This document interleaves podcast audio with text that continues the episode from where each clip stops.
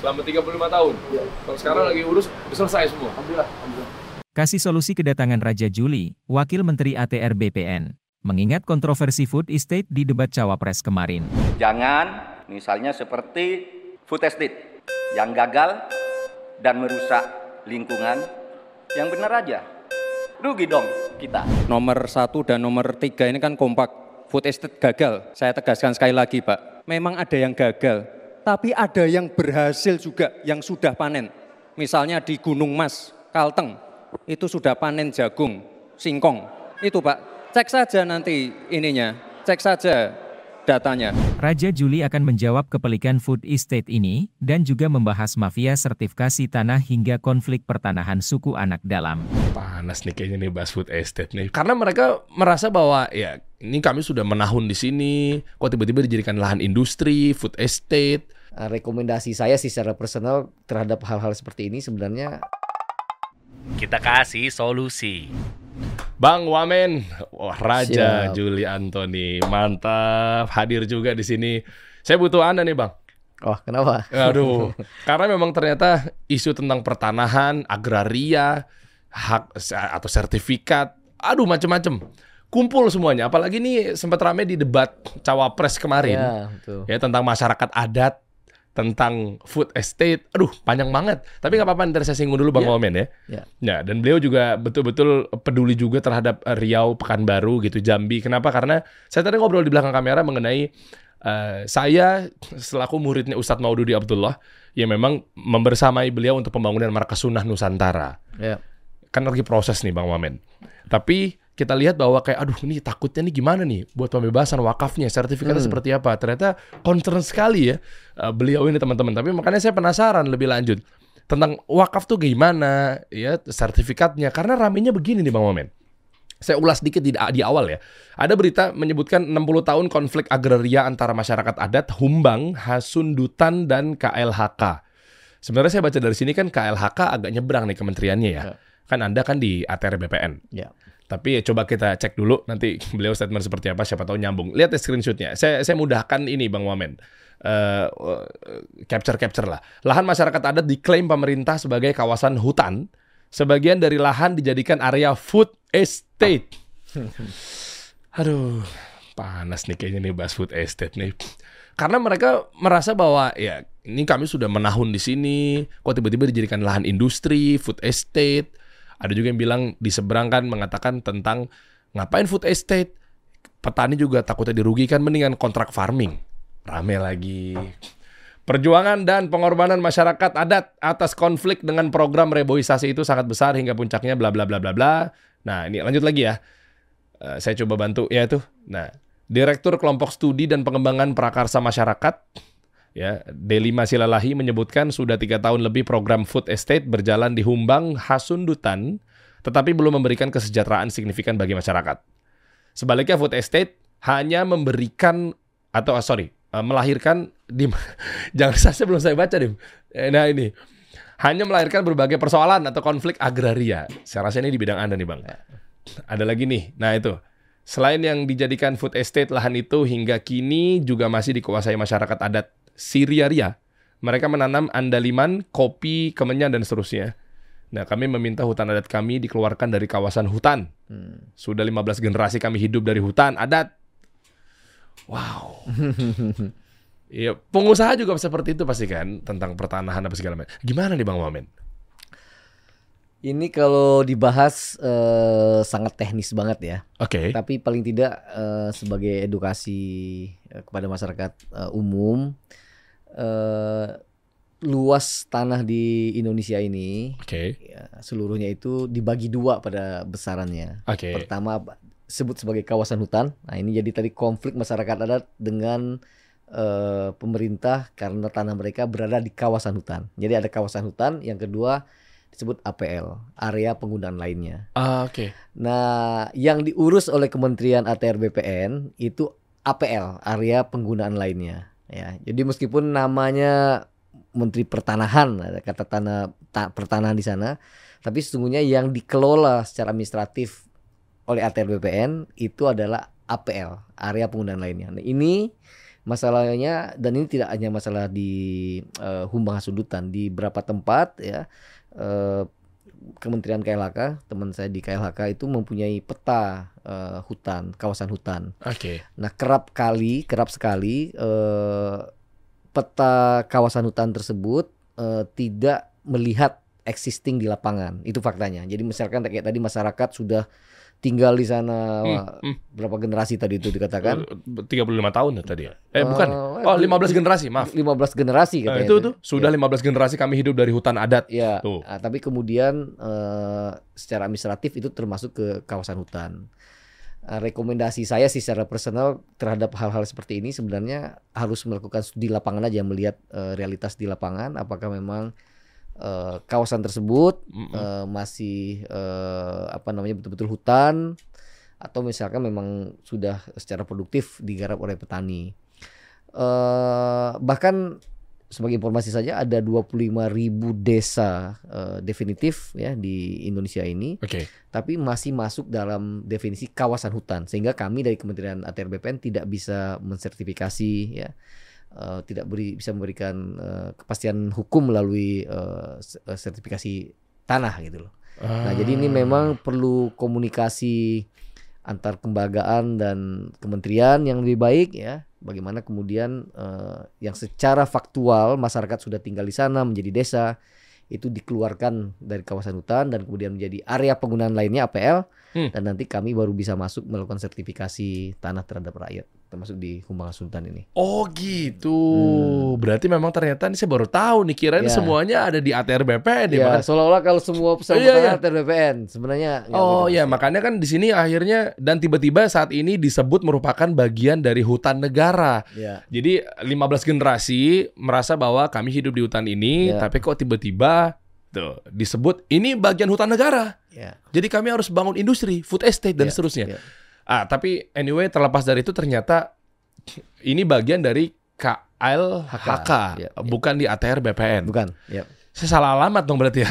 Untuk ngupas ini berarti nanti saya ngundang Ya tapi inilah eh, Eh. fenomena yang eh, ya faktual terjadi gitu ya bahwa Iya, iya, iya. ada persoalan administrasi pertanahan kita yang masih eh, dalam proses perbaikan ya sehingga tadi eh, kepastian hukum terhadap masyarakat masih menjadi kendala besar kita. Oke, tenang teman-teman. Saya coba masuk lebih dalam di sisi yang lainnya. Kalau tadi sudah diklarifikasi, tapi saya nggak berhenti. Saya pengen tagih dan juga ngobrol empat mata. Ah, Ah, kan siap. nasihat itu kan harusnya cara yang baik-baik, Bang Wamen, betul ya? Nggak boleh dengan cara yang aneh-aneh. Makanya ini pas ada kesempatan empat mata dengan umaro kita nih, pemimpin kita nih bisa dibilang, yaitu suku anak dalam. Wah, seru nih. Saya lagi pengen nyari celahnya aja. Ada berita terkait suku anak dalam SAD 113 kan ada konflik lahan 28 tahun nih. Ya. Nah, di sini beritanya memang tertulis ya alhamdulillah sih happy juga ya. Tapi nggak tahu sih bentuk klarifikasi seperti apa, yaitu BPN beri sertifikat ke suku anak dalam. Ya. Ini bagian dari ranah Anda ya Bang Iya, Wamen ya? betul. Ah, cakep pas kalau gitu. Ya. Tapi kok beritanya langsung sudah beres ya? Sebentar deh. Sebentar, sebentar. Bukan saya mencari-cari kesalahan nih. Karena beberapa yang waktu yang lalu sempat ramai juga nih. Berarti ini janjian udah beres ya? Coba lihat lagi. Oke, Jokowi klaim selesaikan konflik pertanahan suku anak dalam yang sudah berjalan 35 tahun. Ya. Udah kelar dong berarti ya Bang?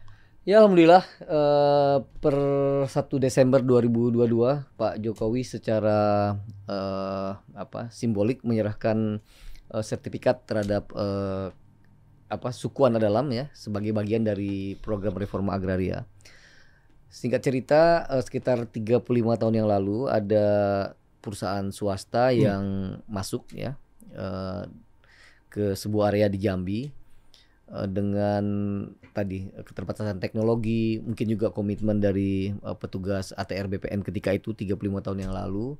Kemudian eh, apa eh, area di mana eh, suku anak dalam telah tinggal bahkan mereka klaim eh, ratusan tahun yang lalu Iya. sebagai native di sana, kemudian termasuk di area HGU.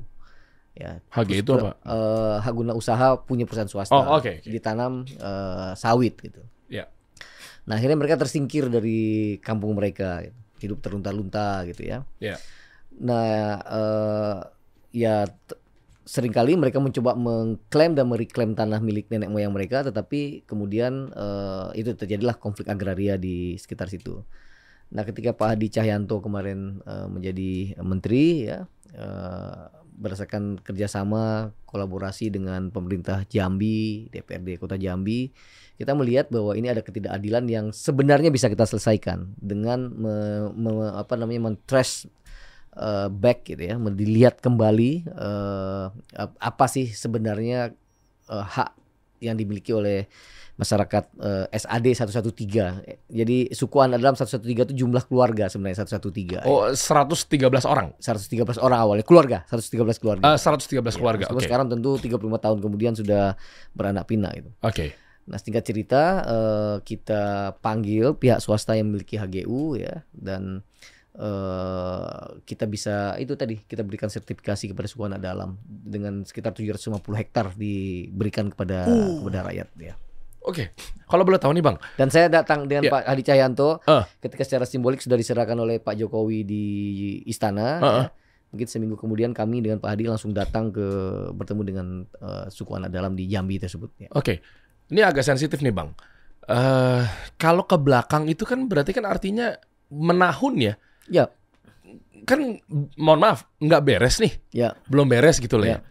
Masalahnya di mana? Kok bisa-bisanya pas pemerintahan di Pak Jokowi akhirnya kan eh, dalam waktu berapa berarti 9 tahun beliau menjabat ya saat Saya ini. 9 tahun menjabat, tapi Iya. memang eh, kemudian kita identifikasi sebagai masalah dan eh, kita serius menyelesaikan itu ketika Pak Hadi Cahyanto dan saya menjadi Menteri dan Wamen ATR BPN. Oh. Dua tahun yang lalu lah. Wah ini kontribusi beliau nih, ini mantap pas kalau gitu nih. Bang Wamen ya. Jadi gini, Bang, berarti eh, masalahnya apa yang sebelumnya? Mohon maaf, apakah memang ada mafia-mafia di dalam yang bermain sehingga nggak pengen adanya ini atau tadi saya mendengar Anda mengucap tentang ada perusahaan swasta. Ya. Ini cocok nih relate penonton kita pengusaha. Jangan-jangan perusahaan swasta itu atau yang sebelum-sebelumnya lah yang memang pengen ada kepentingan industri di sana di hutan itu tapi akhirnya mungkin apakah ada pungli, apakah ada segala macamnya sehingga pengen diberesin, mereka pengen punya hak sertifikat dan seterusnya ketahan tahan tahan tahan tahan diputar sana putar Ya. sini demi industri. Nah, ini harus Ya. digaris bawah ini. Apa gimana?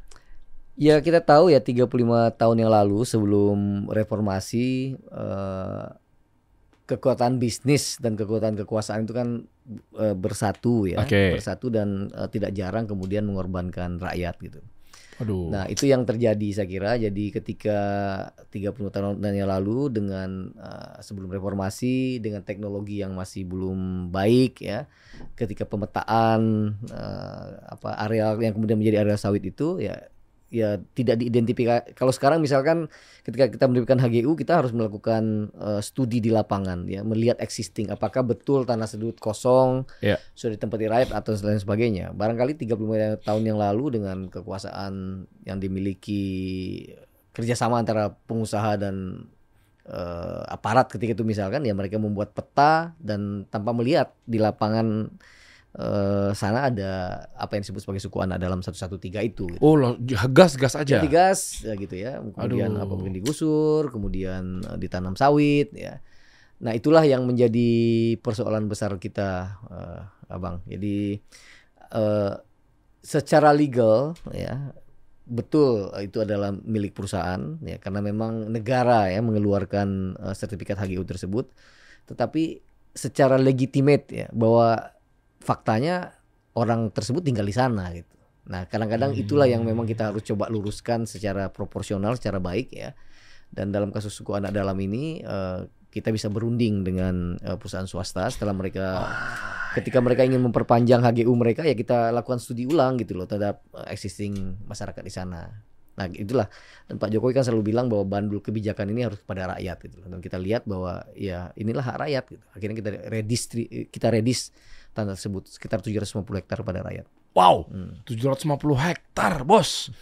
Tapi gini Bang Raja, eh, dalam hal ini kan ada toleransi, obrolan, pendekatan terhadap pengusaha swasta. Ya. Nah, ya sawit lah kita sebut saja. Kan menahun ini kan artinya apa ya? Bukan maksud untuk me- mem- membongkar aib atau segala macam yang lalu-lalu gitu ya. Tapi yang sering kita tahu kita tahu lah. Maksudnya pengusaha kita juga ya insya Allah nggak mudah. Kita lihat bahwa mungkin kawan-kawan pengusaha juga melihat bahwa ah ini mah pasti ada begini, ada main, apa segala macamnya.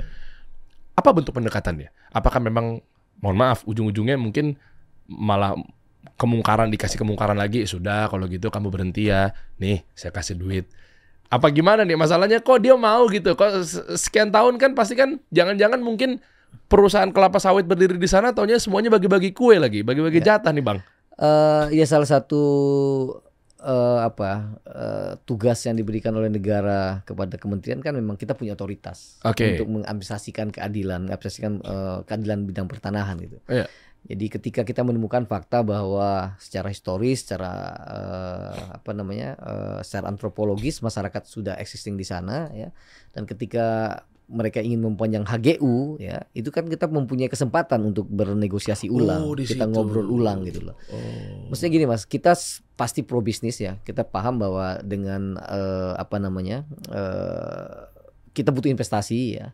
Kalau kita bilang lapangan kerja, kesehatan masyarakat, pasti di-create dari sebuah industri yang baik gitu. oke Nah, tapi pertanyaannya kan industri yang baik yang sustain itu seperti apa? Tentu adalah industri yang juga eh, apa namanya hidup berdampingan, ya, bekerja sama dan mensejahterakan masyarakat di sekitarnya gitu. Mm-mm. Jadi omong kosong kalau kita bilang eh, kita pro bisnis, tapi kemudian kita mentelantarkan masyarakat yang ada di sekitar kita. oh ya Nah dalam konteks itulah saya kira di situ Pak Hadi duduk secara bersama dengan eh, apa dengan perusahaan ya kita akan perpanjang HGU tapi saat bersamaan eh, ini ada kewajiban untuk juga menyantuni untuk mengembalikan hak-hak yang eh, apa yang dimiliki oleh masyarakat setempat suku anak dalam tersebut dan ya bisa ada peaceful negotiation ya wih keren dengan mereka dan kemudian itu tadi eh, Pak Presiden bisa menyerahkan eh, sertifikat eh, suku anak dalam tersebut. Wah, apresiasi buat Pak Presiden, Pak Jokowi. Keren kerja Anda, Pak. Maksudnya kan kayak begini-begini kan ternyata dibalik dengan kelembutan beliau tegas juga ternyata di sini ya. Banyak sebenarnya Mas eh, yang sudah diselesaikan ya. Eh, apa saya misalkan contoh aja nih saya punya data supaya saya nggak salah. Ah, boleh, boleh. Gimana gimana? Eh, sejak undang-undang pokok agraria ditetapkan dari 1961, artinya sekitar 53 tahun yang lalu ya. Program redistribusi tanah ya sering eh, yang kemarin juga jadi topik hangat di debat eh, cawapres. Ya, itu oke. Ya, kita kita nggak ngomong politik lah, tapi kita ngomong Ya, fakta aja, ya, itu ya, data aja ya. 53 tahun dari tahun eh, 61 sampai 2014 Pak Jokowi menjadi presiden, itu tanah yang bisa diredis ya, diredistribusi kepada masyarakat itu adalah 2,79 juta bidang. 2,79 juta bidang Oke. ya oke dibandingkan dengan hanya 9 tahun 53 tahun dibandingkan dengan 90 tahun Pak Jokowi sudah bisa meredistribusi tanah kepada masyarakat 2,97 juta bidang tanah Kok kayak nggak masuk akal ya, Bang? ya jadi dalam 90 tahun ini Kementerian ATR BPN karena memang apa perintah Pak Jokowi kita bisa meredistribusi tanah kepada masyarakat gitu. Apakah itu dalam tadi apakah itu dari kawasan hutan yang sudah eh, dilepaskan di kawasan hutan dan menjadi APL atau ya tadi eh, HGU swasta yang tidak produktif atau tanah terlantar itu kita bisa redis. Jadi terjadi sebuah akselerasi eh, apa namanya keadilan ya eh, dalam bidang pertanahan dengan melakukan redistribusi tanah belum selesai masalahnya, tantangannya masih banyak, iya, tapi secara objektif 53 tahun yang dihasilkan hanya eh, tadi 2,79 juta hektar. Heeh. Sementara 9 tahun terakhir kita bisa me- meredis tanah sebesar 2,97 hektar. Bang, ini Eh, kan sorry, sorry, 2,97 bidang. bidang Oke, maksudnya. ya. Bang, ini kan uh, ada ada ketimpangan ya. 53 tahun Ya. versus 9 tahun. Ya itu cuman Gimana sih maksudnya kok caranya apa? Maksudnya gimana melobinya? Gimana cara kerjanya Pak Presiden tentunya dengan Bang Raja juga gitu dalam hal ini adalah di uh, wakil menteri gitu ya, membersamai program ini. Kok bisa-bisanya gitu? Ya saya kira presiden kita ini kan presiden yang kasih solusi. Ya. Nah, kerja kerja kerja kerja. Iya iya iya iya. Contoh nih dalam eh, sertifikasi tanah mas ya. Ini contoh aja gimana iya. 9 tahun terakhir ini terjadi perbaikan administrasi pertanahan kita. Oke. Dari awal Indonesia merdeka sampai dengan 2014 Heeh. ketika Pak Jokowi memulai menjadi presiden ya. Tanah yang sudah disertifikasi itu 46 juta bidang.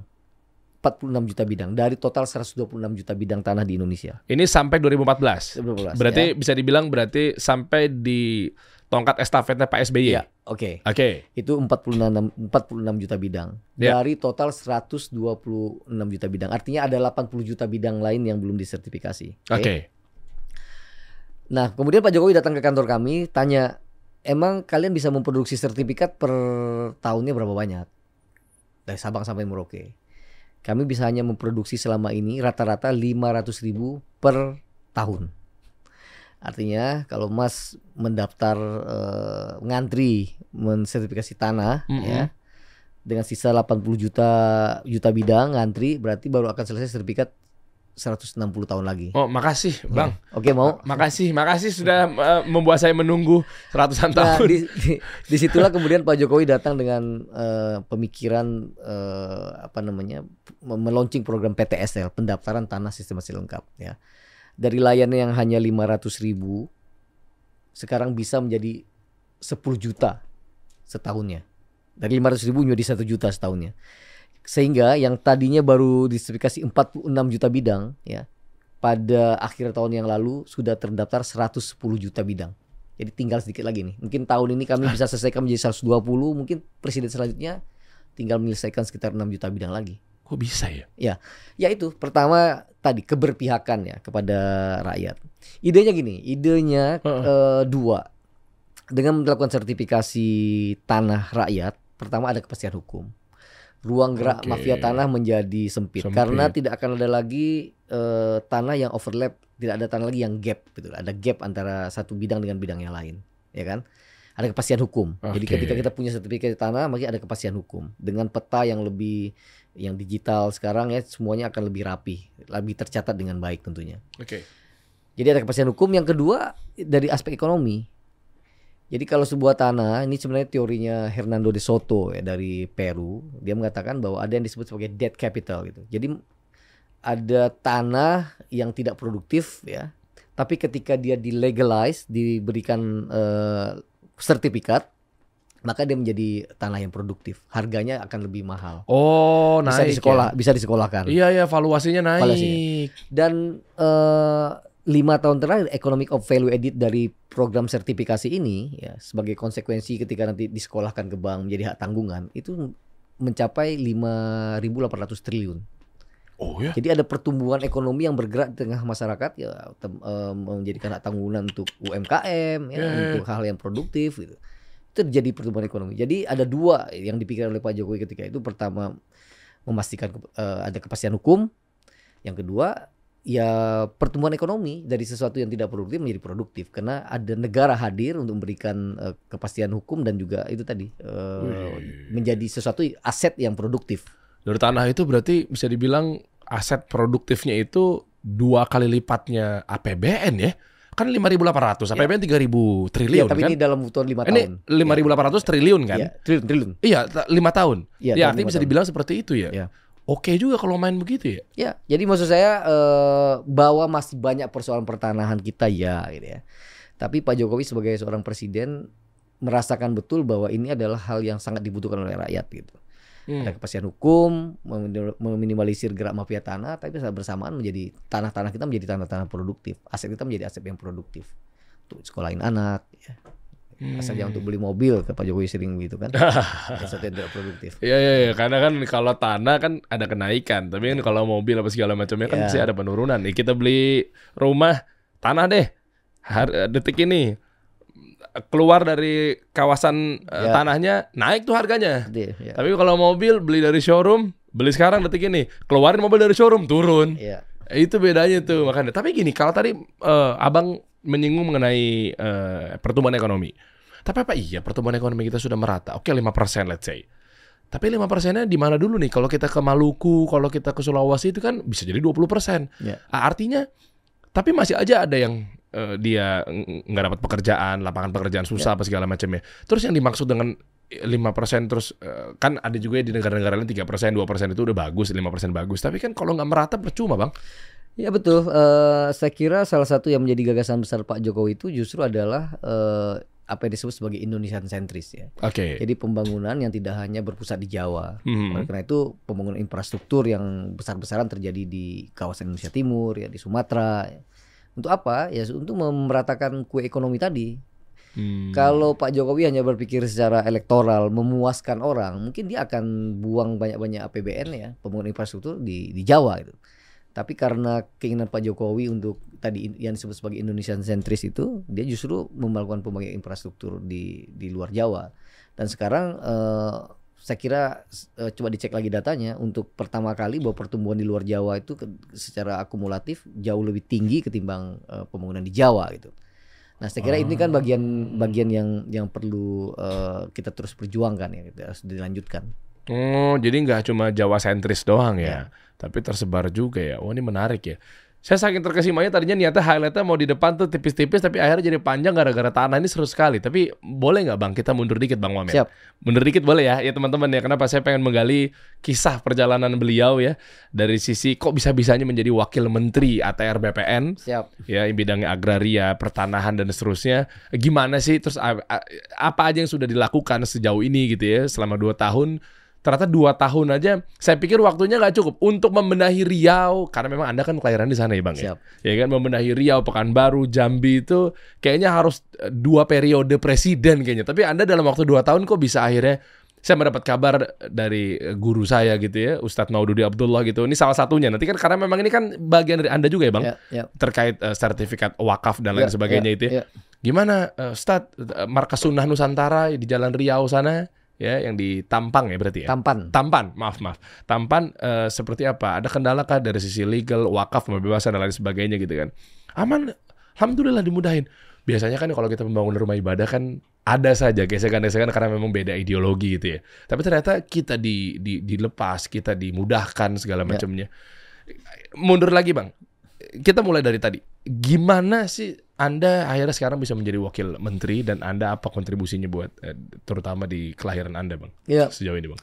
saya lahir dari keluarga sederhana. Ayah saya seorang guru. ya. Oh. Bahkan ketika saya kecil eh, belum menjadi PNS jadi guru honorer. Oke. Jadi saya masih mengikuti dan menikmati yang disebut ketika itu eh, beras jatah ya. Jadi, Beras jatah tuh tahun berapa? Saya nggak tahu tuh. Ya beras jatah tuh kalau PNS ya Heeh. pegawai negeri sipil ASN sekarang namanya itu setiap bulannya diberikan beras gitu. Dan berasnya itu ya saya nggak tahu persentasenya tapi ada kutunya, ada Ah. batu-batunya gitu ya. Saya mengalami itu gitu, mengambil beras itu nanti ibu saya harus membersihkan, memilah eh, supaya bisa dikonsumsi dengan lebih baik. Oh.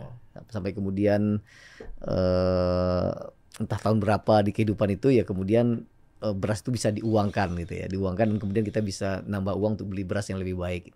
Oke. Jadi kami saya hidup dari keluarga sederhana tapi ayah saya sangat menekankan pentingnya arti pendidikan. Selain beliau adalah memang almarhum adalah seorang guru ya. Iya. Eh, dia mengatakan pada titik ekstrim ketika itu kalau harus bentrok eh, membayar uang SPP sekolah atau makan, dia akan memilih membayar SPP sekolah anak kira-kira gitu. Ya. Ya, kira-kira begitu. Dan alhamdulillah eh, apa namanya eh, eh, dorongan untuk eh, keilmuan itu saya tamat SD, SD saya masih di Pekanbaru, kemudian saya sudah eh, masuk pondok pesantren Ah, di Garut ya selama enam tahun uh, Saneweh dan Aliyah di Garut. Oke. Nah kemudian saya kuliah di UIN Ciputat ya Ah. uh, dengan spirit yang dibawa oleh ayah saya saya kemudian bisa meneruskan sekolah ke Inggris dengan beasiswa kemudian S3 di Australia dengan beasiswa gitu. Wow. ya jadi eh, itu spirit yang dibawa oleh orang ayah saya hidup sederhana tetapi su- eh, sangat menekankan pentingnya arti eh, pendidikan untuk eh, menambah wawasan menambah keimanan eh, tapi sekaligus menjadi tangga sosial untuk eh, berkembang lebih baik Wow. Oh, nyampe Inggris juga. Inggrisnya di universitas mana? Eh, Bang. University of Bradford Oh, Bradford. Oh, Oke. Yang di Australia Queensland. Queensland Institute of Queensland Wah ya favorit saya tebak-tebak bawa manggis saya ternyata benar ya. nah nyampe ke situ kan berarti kan biaya hidup di sananya karenanya oh saya dapat beasiswa beasiswa semua biaya ditanggung. Iya, iya ditanggung semuanya. Ya, alhamdulillah hobi saya memang nyari beasiswa juga gitu. Wah. Jalan-jalan ke luar negeri nggak punya uang, tapi dengan ikut beasiswa dapat ilmu, tapi juga bisa jalan-jalan. Oh ya ya ininya berarti jalan. Nggak cuma jalan-jalan berarti ini pakai jalan. Oh gimana caranya saya harus hidup pakai beasiswa. Kan harus pinter juga kalau beasiswa bang. Ya, plus juga kerja di Australia. Sebagai Jadi cleaner atau ya yang apa namanya? sempat menjadi asisten dosen, jadi tutor ya, belajar ngajarin bahasa Inggris ke bule-bule. Tapi eh belajarin bahasa Indonesia. bahasa Indonesia bule-bule. kayak bule-bule kayaknya dia dari lahir udah ada tuh bang. Iya. Udah jago curang anak kecil bu- Inggris sudah pada jago-jago bahasa Inggrisnya. Iya. Jadi banyak an- eh, mas- apa namanya? ada School of eh, Languages and cultural studies itu di satu buah fakultas saya diajak jadi asisten dosen ngajarin para bule bahasa Indonesia. Tapi saya jadi cleaner juga di sekolah anak saya gitu ya. Oh, Untuk melengkapi eh, beasiswa kekurangan beasiswa untuk kehidupan ya. jadi bersih-bersih, guys. Singkat cerita, kok bisa-bisanya akhirnya Nah, kemudian saya eh, mendirikan partai Ah. namanya PSI, Partai Solidaritas Indonesia. ah Nah, Kemudian eh, pemilu yang lalu kami belum terlalu beruntung, eh, baru dapat 1,89 persen, jadi belum sampai ke DPR. Syaratnya kan Belum, 4 persen. saat ini eh 4 Saat ini persen. 4%. Nah, tapi kami dapat eh, diberikan amanah untuk eh, mendapatkan satu wakil menteri. Nah, ketika itu teman saya yang dahulu menjadi wakil menteri diganti karena ada tugas lain, saya menggantikan beliau dua tahun yang lalu. Bang, cara jadi wakil menteri itu gimana sih, Bang? Hah? Simpel aja nih. Makanya kita main, main, mainnya bahasa awam aja ya kan mewakili penonton kan Iya. pasti kepengen kalau terlalu teknis kan eh, apa kalau terlalu ribet ngejelimet bahasanya kelamaan lah. Iya. Gimana sih Bang bisa nyampe wakil menteri, Bang? Ya menjadi menteri atau wakil menteri itu kan hak prerogatif presiden ya. Iya. Presiden yang memilih Betul. sebagai pembantu mereka. Tapi jalurnya paling tidak kan dua ya. Meskipun tidak tepat kata-kata dan saya tidak suka. Pertama katanya adalah melalui profesional, jalur Iya. profesional. Yang kedua jalur politik. Jadi seolah-olah kalau jalur politik jadi nggak profesional ya. Oh, kira-kira- iya ya. Tapi kira-kira begitulah. Ada orang-orang profesional semacam Bu Sri Mulyani, eh, Pak Bas- Pak Basuki Iya. dari ASN ya. Tapi Pak juga dari Nadiem. partai politik ya Pak Nadiem. Pak Erik ya. Ya Pak Erik, tapi ada melalui jalur politik. Gitu. Nah, Hmm. saya karena memang orang partai, saya melalui jalur politik. Gitu. Hmm. Tapi bukan berarti saya nggak profesional lah. Oh gitu. iya iya iya juga ya. Gitu. Atau dibalik ya orang profesional nggak bisa berpolitik lagi jangan-jangan. Ah, gitu Iya. kira-kira. Sementara politik negara kan juga harus berpolitik ibaratnya kalau dia ada di sebuah negara. Oh dari situ. Nah terus selama dua tahun abang ngapain aja bang? Ya saya membantu ya, saya menempatkan diri sebagai Hmm. eh, membantu Pak Hadi Cahyanto yang Iya. mantan Panglima TNI yang kemudian diberi amanah oleh Pak Jokowi dan dilantik bersamaan ketika itu dengan saya. Jadi kami saya bisa menjadi junior partner Pak Hadi untuk eh, memulai membenahi Iya. eh, kasus pertanahan. Salah satu yang kami diskusikan ketika itu, Mas, ada dua lah ya yang bisa kita tiga mungkin yang kita bisa omongin di sini. Iya. Pertama eh, layanan ya, eh, perbaikan layanan. Inti dari eh, apa yang dikerjakan dari hari ke hari itu sebenarnya kan layanan. Apakah rakyat merasa puas dengan layanan eh, pemerintah dengan ke- layanan ATR BPN? Nah pertama masuk saya ngobrol dengan eh, sekjen, dengan dirjen, dengan direktur melakukan investigasi. Kira-kira layanan kita ini berapa banyak? Layanan banyak sekali, 123 apa 127 layanan. Banyak banget. Banyak banget. Terus bisa nggak kita sederhanakan Oh, layanan ini? eh. Coba di kalau kita membenahi ini kira-kira gimana caranya kalau kita buat eh, layanan ini disederhanakan atau diidentifikasi ada berapa layanan sih yang menjadi apa namanya yang menjadi prioritas kita gitu. Setelah diinvestigasi ada tujuh layanan yang itu mengcover 79% layanan ATR BPN. Nah saya bilang kalau begitu saya izin Pak Adi, Pak kita benahi aja dulu yang 79% ini, tujuh layanan ini. Artinya kalau tujuh layanan ini benar, berarti 80% layanan kita baik. Iya Nah, ngikut dia. Ngikut kan? Heeh. Daripada kita memperbaiki 123 103 atau 127 layanan tadi. Nah, kemudian eh, atas izin Pak Hadi, saya dengan eh, kolega Sekjen, Dirjen membuat layanan tujuh layanan prioritas. Ya. Eh, apakah itu ada roya, hak tanggungan, balik nama, ya. Yang intinya sebenarnya masyarakat itu apa sih yang dibutuhkan? Pertama ada kepastian berapa biayanya, apa syaratnya, berapa lama pengurusannya. Kan kira-kira itu yang Oh. yang yang menjadi penting kan. Selama ini dispute nggak jelas gitu loh.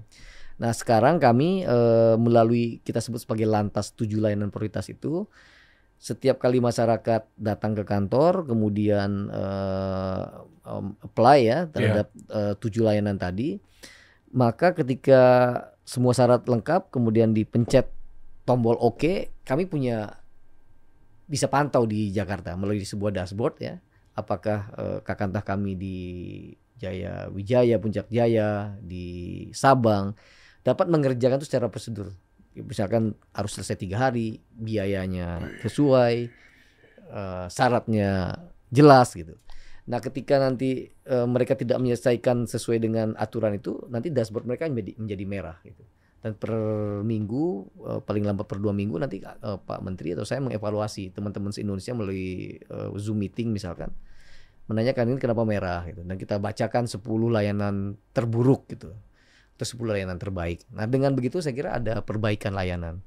Kemudian ada komplain, oh ini eh, teman-teman hanya balapan eh, menghijaukan dashboard ya. Ah iya ya, klaim-klaim aja karena sebenarnya jadi sekarang juga dengan rekomendasi KPK ketika layan apa namanya ketika eh, pengajuan hak eh, tanggungan bisa selesai itu kan ada WhatsApp langsung masuk bahwa sudah selesai gitu ya. Oh. Nah, kita banyak ketika awal-awal kita banyak mendengarkan bahwa masyarakat sudah menerima pesan bahwa bis, eh, layanannya bisa sudah diambil di loket, tapi ternyata ketika datang belum diambil. Nah, solusinya ya kita coba lakukan survei juga. Oh. Nah, jadi dari semua karena kita dapat nomor handphone mereka kita lakukan survei gitu.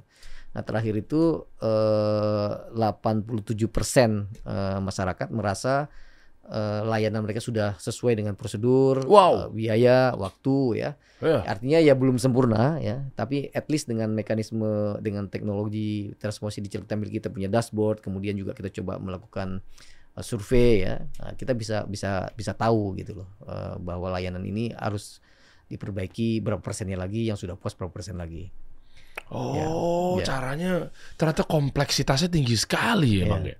Ya kan, maka tadi saya telah tuh, oh ternyata memang harus koordinasi ke sini, koordinasi ke situ dan seterusnya. Ya. Sampai akhirnya eh, kok bisa-bisanya concern Anda ini pada pertanahan yang ada di Riau karena memang kamu halaman di sana dan melihat ternyata di sini masih banyak yang di- harus dibantu diselesaikan dan seterusnya apa seperti apa nih, Bang? Ya salah satu yang saya bisa sampaikan ya dan di media beredar tuh ada dulu nama Pulau Pulau Mendol namanya. di Riau. Mendol. Pulau Mendol itu juga eh, apa namanya terbit HGU. Oke. ya, terbit HGU eh, atas nama PT TUM kalau saya nggak salah. Tapi lagi-lagi ini ada semacam mal praktek penerbitan HGU oleh senior-senior dulu di ATR BPN. Jadi satu pulau yang di sana masyarakat sudah tumbuh berkembang lama sekali ya. Tapi kemudian area mereka ini dihitung sebagai HGU, tercatat sebagai HGU. Tiba-tiba. Ya dengan prosedur yang saya katakan tadi yang mungkin terjadi malpraktek gitu. Ah. Nah, pada saat bersamaan eh, perusahaan swasta ini tidak bisa menunjukkan bahwa mereka eh, bekerja dengan baik karena selain ada resistensi dari masyarakat yang merasa itu tanah mereka. Nah, dengan mekanisme yang ada, eh, saya eh, Pak Menteri kemudian menetapkan eh, Pulau Mendol itu sebagai tanah terlantar karena tidak digunakan sebagaimana mestinya dalam jangka waktu tertentu. Eh, dan dengan proses eh, tersebut kemudian eh, tanah tersebut sudah menjadi tanah terlantar ya. Mhm. Tapi kami digugat oleh PT tersebut di Petun dan alhamdulillah kami menang ya. Wah. Nah, langkah berikutnya memang nanti eh, kalau sudah ada eh, kepastian hukum akan diterbitkan eh, SK Tora tanah re- eh, eh, tanah objek reforma agraria ya. Dan tanah itu tersebut akan kita coba redis eh, ke masyarakat di Pulau Mendul. Ya itu itu lagi-lagi bukan karena saya ya tapi kerjasama dengan eh, masyarakat Wah. setempat, civil society kita bi- bisa berikan lah insya Allah nanti tanah itu kepada masyarakat. Wah keren. Hmm. Kabar gembira akhirnya saya mendengarkan. Terima kasih Bang Wamen ya, Bang Raja sudah membantu kawan-kawan karena banyak juga saudara-saudara saya di Riau gitu. Saya kebetulan ya intermezzo lah, saya dari Me- keluarga Medan. Ibu saya jadi lumayan dekat dengan kesumateraannya gitu ya. Makanya saya melihat bahwa wah ini kasihan kalau memang kondisinya tanah apa segala macamnya ternyata abang betul-betul concern sama Ya. eh, warga di Riau, Pekanbaru, Jambi gitu ya karena memang anda lahir di sana juga. Ya. Tenang, tenang, tenang. Berarti sedikit lagi nih berarti bang ya. Insya Allah akan. Insya Allah ya eh, kalau nggak salah mereka banding ya dan itu Eh. kan mekanisme hukum ya. Kalau nanti eh, selesai ingkrah ya, Oke, nanti kita akan eh, terbitkan SK Tora dari tanah objek reforma agraria. Kita lihat ya. Ternyata eh, beliau irisannya dengan Pak Presiden Pak Jokowi juga ternyata eh, copycat lah dalam tanda kutip. 53 tahun versus 9 tahun. Beres. Nah, harapannya berarti kan mudah-mudahan dengan eh, Abang Raja ini kan banyak lah mencontek ilmu dari Pak Jokowi. Ternyata sat-satnya juga berasa banget tuh buat mereka ntar tuh. Ya, Ya. Intinya kasih solusi lah saya kira. Wah, mantap. Apa kehidupan kita ya kita coba manfaatkan eh, Betul. semaksimal mungkin untuk ke- kebermanfaatan bersama. Mantap nih, peduli rakyat betul-betul terakhir nih bang. Ya, eh, akhirnya dengan adanya kondisi di Riau, Pekanbaru, masyarakat, biar terbantukan. Ini terakhir banget nih di obrolan kita. Eh, yang saya sudah singgung di awal adalah mengenai pembangunan markas sunnah Nusantara. Oke. Nah ini artinya kan eh, ada beberapa Hmm. eh, kita sudah kerjakan pelan-pelan asrama mau dibangun untuk kebutuhan umat karena memang ini markasnya umat, Ya. masjidnya umat bersama Ustadz Maududi Abdullah gitu ya. Beliau yang membangun di sana, membina dan seterusnya. Saya membersamai beliau juga. Bagaimana dengan sertifikat wakaf nih Bang? Sejauh ini apakah Ya. ada update-update data-data yang Ya. memang ternyata sudah dikerjakan Anda dan kawan-kawan Bang? Mungkin karena background saya santri eh, dan saya juga aktif di ormas Islam ya. Wah, Jadi ketika pertama menjadi wamen hari pertama saya matur ke Pak Menteri Pak Hadi Pak selain kita mengurus eh, konflik agraria ya eh, tadi PTSL pendapatan tanah situasi lengkap saya kira juga kita mesti eh, me- apa namanya menghibahkan diri kita untuk juga mengurus eh, kepastian hukum bagi tanah-tanah umat gitu. Ah, ini nih. Nah, Mantap nih. kemudian eh, kena relasi saya yang relatif baik dengan PBNU, dengan PP Muhammadiyah, ya kita mendatangkan MOU Oke. untuk bagaimana tadi tanah-tanah wakaf ya, tanah milik pesantren, eh, rumah ibadah, masjid, eh, tentu juga eh, gereja dan lain sebagainya bisa kita sertifikasi. Boleh tahu Bang update-nya? Ya, yang before-nya berapa terus Ya. akhirnya yang berhasil disertifikasi di di, di masa Ya. jabatan Anda Bang? Intinya gini Mas, eh, dua tahun saya menjadi wamen ini saya menemukan eh, bahwa gairah masyarakat kita untuk mewakafkan tanah, menghibahkan tanah luar biasa ya. Oke. Bahkan ada sebuah lembaga namanya World Giving Index ya, menempatkan Indonesia sebagai negara yang paling dermawan. Jadi masyarakatnya itu mengi- apa selalu menganggap harta kekayaan yang dimiliki itu adalah tidak hanya milik dirinya dan keluarga, tetapi juga harus dihibahkan, diinfakkan ya kepada kepentingan masyarakat gitu, kepada masyarakat umum. Jadi kita negara yang sangat generous gitu. Oke. Nah problem kita adalah eh, eh, mungkin dengan tadi dengan alasan bahwa kalau menyerahkan sesuatu di jalan Tuhan di jalan Allah itu tidak boleh ria harus ikhlas kita enggan men- me- me- mencatatkannya secara Ah. secara hukum gitu nah sehingga eh, banyak sekali terjadi kasus eh, apa namanya eh, konflik eh, di internal yayasan sekolah pesantren madrasah eh, apa namanya yayasan yatim piatu karena memang tidak ada kepastian hukum alas hak terhadap eh, tanah yang dimiliki oleh yayasan tersebut. gitu. Oke. Nah oleh karena itu saya waktu itu dengan Pak Hadi melaunching gerakan nasional sertifikasi eh, tanah wakaf dan rumah ibadah itu. Oh mantap. Nah alhamdulillah mas ini contoh lagi nih perbandingan boleh, aja ya. boleh, boleh. Total tanah wakaf yang sudah terdaftar itu 225.080 juta bidang Oke. ya. Eh, dari tahun 97 ketika eh, undang-undang wakaf di eh, Terbitkan. terbitkan sampai hari ini Mm-mm. tadi ada 225.080 eh, bidang Oke. yang sudah terbit ya. Nah, dari tahun 77 sampai dengan 2014 eh, sekitar 43 tahun ya, itu jumlah yang disertifikasi hanya 99.195 atau hanya 44 persennya. Ya. 44 persen. Oke. 40 persen saja. Tapi Wah. di masa eh, Pak Jokowi yang hanya 9 tahun ini yang sudah disertifikasi 56 persennya dari total 20, 20 125 ribu tadi. Dari 44 persen naik ke 56 persen. Enggak perbandingan. Uh, 44 uh, uh, Afwan, uh, maaf, uh, perbandingannya Iya perbandingannya 43 tahun hanya menghasilkan 44 persen, Oke. yang 9 tahun yang memproduksi 56 persen dari total tanah eh, wakaf kita. Wow. Masya Di Allah. 102 persisnya 125.885 bidang tanah. Oke. Artinya dulu ya sebelum Pak Jokowi layanan tanah wakaf itu hanya 200 eh, 2100 eh, sertifikat per tahun. Mm-mm. Sekarang menjadi 12.500 per tahun gitu. Jadi ada ada keseriusan Pak Jokowi dan tentu kami ya Pak Iya. Adi dan saya juga mendorong secara serius eh, sertifikasi rumah ibadah. Oke. Terkait dengan tadi markas di Pekanbaru ya. Insya Allah kapan kita bareng ke sana Wah mantap. kita ngobrol, kita saya ajak nanti Kak Kantah dan Kak Kanwil Riau dan Pekanbaru eh, kita lihat alas haknya. Saya berharap eh, harus clear dari awal sebelum dibangun Ya, ya itu sih Supaya aman apa? sih Insya Allah. supaya nggak ada dispute, Ya. supaya tidak ada nanti generasi kedua generasi ketiga yang mengklaim bahwa masjid itu adalah milik keluarga mereka. Ya. Jadi lebih baik ini menjadi milik yayasan Ya. atau milik sebuah institusi ormas ya yang mempunyai kepastian hukum. Supaya apa? Supaya amal jariah eh, yang sudah di apa diserahkan secara ikhlas ya Ya. oleh para wakif itu akan terus berjalan tidak terdisrupsi oleh konflik agraria yang akan memutus atau menghentikan aktivitas sosial keagamaan. Wah mantap. Jadi kepedulian Bang Wamen gitu nih Wakil Menteri ATR BPN. Abang Raja ini terkait Riau, Pekanbaru gitu ya. Yang kita lihat ya, ini kan markas Sunnah Nusantara. Ternyata pas kemarin saya bersama eh, eh, pendirinya gitu ya, ada Ustadz Maududi Abdullah gitu ya. Eh, dalam hal ini ternyata eh, yayasan berdiri, Hmm. eh, tidak ada yang eh, digaji dalam arti yayasan dari pengurus-pengurusnya karena memang betul-betul total ini adalah masjidnya umat apa segala macam gitu ya. Total empat berapa Ustaz ya? Empat setengah sampai lima hektar kalau nggak salah. Saya Nah, mohon sebelum kita bareng ke sana insya Ya nanti kita bareng mantap didukung sama saya Pak Wamen mohon nih. dikasih dulu aja eh, peta lah ya. Iya.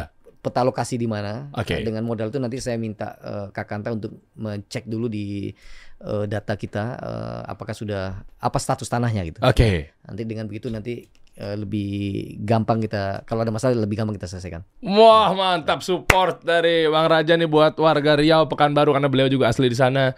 Beliau juga pengen betul-betul membantu warga Pekanbaru, Riau, Jambi juga termasuk ya. Eh, Ya, Bang? tetangganya Jambi. Tetangganya ya.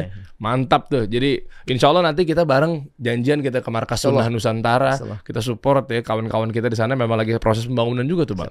Jadi dan bukti konkret juga tadi di masa pemerintahan Pak Jokowi yaitu 4 eh, 56 persen 56 persen. terkait sertifikasi wakaf ya, yang sebelumnya udah menahun dari tahun 97 Ya. itu 44 persen. Dari tahun 77. Eh dari tahun 77. Ya. Maaf, bukan 97, 77 bahkan. Dari 2100 layanan per tahun sekarang menjadi 12.000 per eh, per tahun. Waduh, dahsyat. Betul-betul support untuk rumah ibadah apa segala macam ya. Makasih Bang Wamen. Makasih banyak. Sama-sama ya. Berarti kita nanti janjian Pekanbaru ya? Pekanbaru ya. Siap. Di Jalan Riau ini di Tampan nih. Tampan ya. Ya, support. Ya mudah-mudahan nanti ke depannya juga betul-betul eh, ya Indonesia terkhusus di Riau Pekanbaru bisa betul-betul eh, terbantukan terutama yang suku yang apa? Yang tanah ini apa namanya? Nggak sertifikasi di hutan apa namanya tadi? Kawasan hutan, kawasan, Kawasan hutan. Ya, di kawasan hutan. Itu banyak sekali juga terjadi. Kalau tadi Iya. kan Humbang ya di Sumatera Utara itu. Iya. Tapi di Riau juga banyak kasus-kasus serupa. Mudah-mudahan nanti kita bisa urai ya, secara pelan tapi pasti Hmm, lebih cepat lebih baik. Ya. mantap. Ya. Mantap. Kita tunggu saja nanti ya. Janjian di Riau juga. Semoga semuanya aman, sentosa. Ada mau tambahin lagi? Cukup. Cukup. Makasih banyak. Mau langsung tugas lagi. Afwan, masya Allah. Kita kasih solusi.